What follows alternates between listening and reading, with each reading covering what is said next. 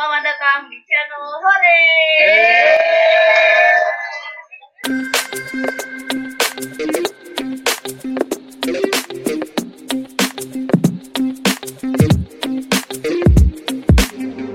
Nah tadi kan kita udah cerita tuh, udah flashback. Ternyata Ramadan Ramadan mulai dari kita bocah tuh se se sepolos itu, sekocak itu ya ampun. Dan uh, makin dewasa tentunya kan pasti insya Allah ada pelajaran-pelajaran yang bisa kita ambil ya.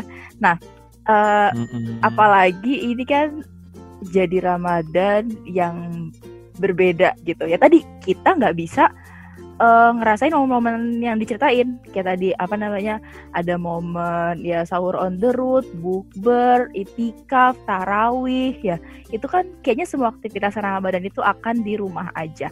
Nah uh, apa sih perasaan kalian sekarang? Apakah membuat kalian sedih atau ada sebenarnya hal-hal yang kalian sebenarnya syukuri gitu. Apa atau ada pengen yang dilakuin gitu selama di rumah aja di Ramadan yang berbeda ini? Silakan kepada Syekh Kuci. Bagaimana? Lah jangan. Dari Feby dulu. Kan tadi udah gua. Oh dari Syekh Feby dulu berarti ini. Ya dari Syekh lah. Apa? Al Mukarram Syekh Al Habib Al Ustad Feby Insyaallah, insyaallah. Oke, okay. Baby, gimana menyikapi Ramadan yang berbeda tahun ini? Gue ngelihatnya, kalau menyikapinya ya, ngelihatnya sebenarnya hal yang berbeda dari Ramadan tahun ini bukan hal yang fundamental banget kayaknya ya. Kalau gue menilainya, ini yang berubah cuman hal-hal yang berbau euforianya. Jadi gue ngelihatnya kayaknya kayaknya amalan-amalan ibadah-ibadahnya itu kayaknya masih masih oke-oke aja gitu.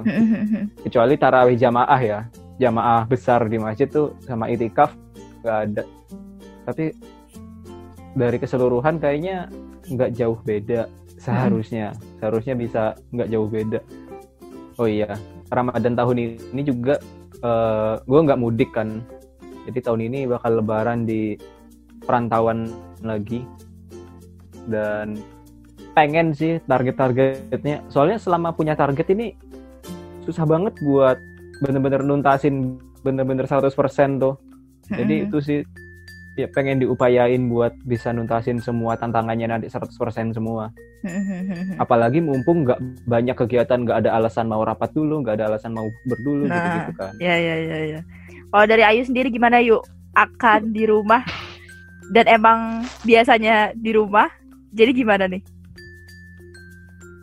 uh, palingan bedanya ya kan nggak bakal ada bukber bukber lagi ya di luar.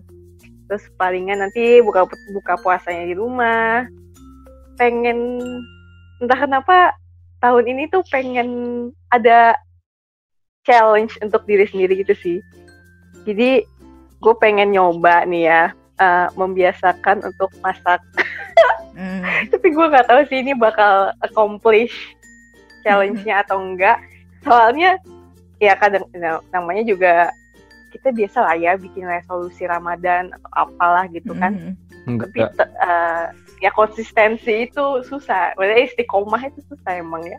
Yeah, yeah, cuma yeah. ya ya mungkin ini cara cara dari Allah gitu ya untuk ya udah lo di rumah gak bakal bisa ngeskip loh. Mm-hmm. ya, taraweh ya bisa full gitu sebenarnya udah biasa. Kita tuh uh, biasanya kan bagi-bagi takjil bagi-bagi makanan gitu kan. Mm-hmm. waktu Ramadan. Nah sekarang tuh kan udah mulai start gara-gara corona ini kan ya. Ada orang bagi-bagi makanan kan sering.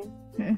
nah mungkin kayak uh, bagi-bagi makanan ini waktu Ramadan apalagi ya gara-gara ya orang juga pasti banyak apa ya lagi susah juga kan buat makannya. Mungkin nanti bisa bakal lebih banyak lagi gitu. Uh, peluang-peluang uh, tadi ya? sosial. Uh, buat bagi-bagi apa gitu. Berarti bakal tetap banyak es buah es buah tumpah itu ya? Tapi yang numpahin bukan kita ya.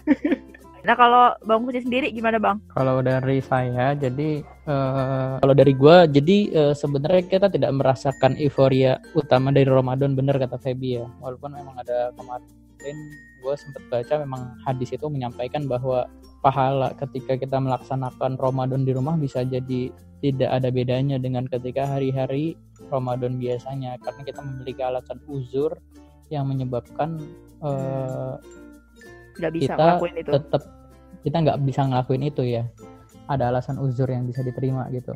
Nah dari kondisi ini sebenarnya eh, mungkin eh, Allah pengen ada suatu cara lain bagaimana setiap orang itu bisa lebih memaksimalkan Ramadannya mungkin karena sebelumnya itu difokuskan dengan kerja difokuskan dengan eh, lebih banyak keluar di jalan, lebih banyak waktu di jalan kan kayak gitu. Sekarang mungkin lebih bisa mengejar targetan-targetan Ramadannya, bisa lebih optimum di Ramadannya, bisa lebih banyak waktu untuk baca Al-Qur'annya, mungkin kan berpikir kayak gitu.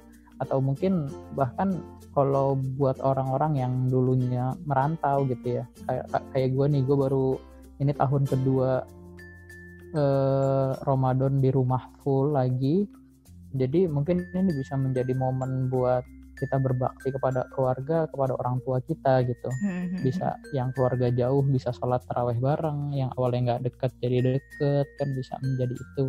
Jadi mungkin kita tinggal menemukan bagaimana metode baru di Ramadan yang yang penuh dengan kondisi tidak diinginkan kan kalau kata orang tapi menurut gua ini bakal menjadi Ramadan yang bakal kita ingat sampai kita nanti tua sih kalau menurut gua karena ini kan memberikan suasana yang sangat berbeda ya pastinya ya ini Mm. memberikan suasana yang berbeda Wah, cakep. Asik. Itu udah ini ya. Masih itu yang dipikirin semalaman itu sampah ya. Kisi-kisi Kisi-kisi. Iya iya iya. Dan dan bisa jadi nanti mungkin ya eh, kan kita tadi flashback soal eh, Ramadan pas bocah. Nah, bertahun-tahun kemudian kita podcastnya isinya tentang eh, cerita Ramadan saat corona ya bisa jadi ya. kita mengenang bisa jadi masa bisa. corona. Ya, Tapi ya. kayaknya gak seru deh. karena di rumah aja gitu ya. Ya sama semua gitu ya. Intinya bener kata Kak Kuci tadi. Jadi gimana caranya bikin Ramadan yang paling beda ini, kemungkinan paling beda supaya berkesan banget. ya ya ya. hmm, hmm.